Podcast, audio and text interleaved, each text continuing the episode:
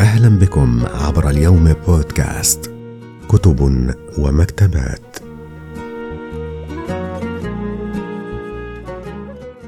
كتاب حواديت ماما مي صدر حديثا كتاب حواديت ماما مي للكاتبة مي عبد الهادي.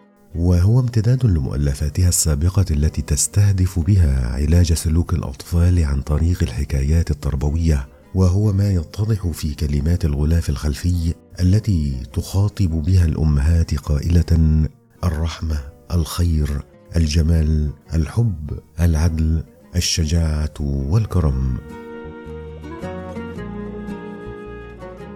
قيم ومعان إنسانية نبيلة. تشكل وجدان وشخصية الإنسان إن زرعت منذ الطفولة والحواديت من أهم الوسائل التي يمكن من خلالها زرع أنبل القيم وتهذيب النفس. في هذا الكتاب أتمنى أن تجدي ضالتك كأم تقول المؤلفة.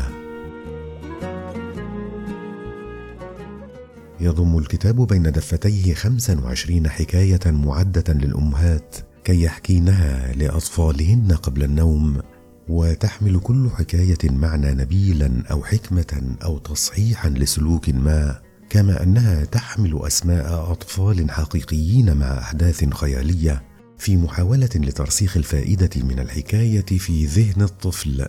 وتعد مي عبد الهادي صاحبة مبادرة تعديل سلوك الأطفال عن طريق الحكايات التي استطاعت في شهور قليلة أن تصبح الصوت المحبب للأطفال في كل أنحاء الوطن العربي بحكاياتها الشيقة التي تنشرها عبر الشبكة العنكبوتية. والتي أصبح متابعوها من الآباء والأمهات يعتمدون عليها في معالجة السلوكيات الخاطئة لأبنائهم وتربية القيم الحسنة في نفوسهم وجمعت الكثير من حكاياتها في كتاب سابق بعنوان كان يا مكان. شكرا لاستماعكم لنا عبر اليوم. بودكاست دمتم في أمان الله.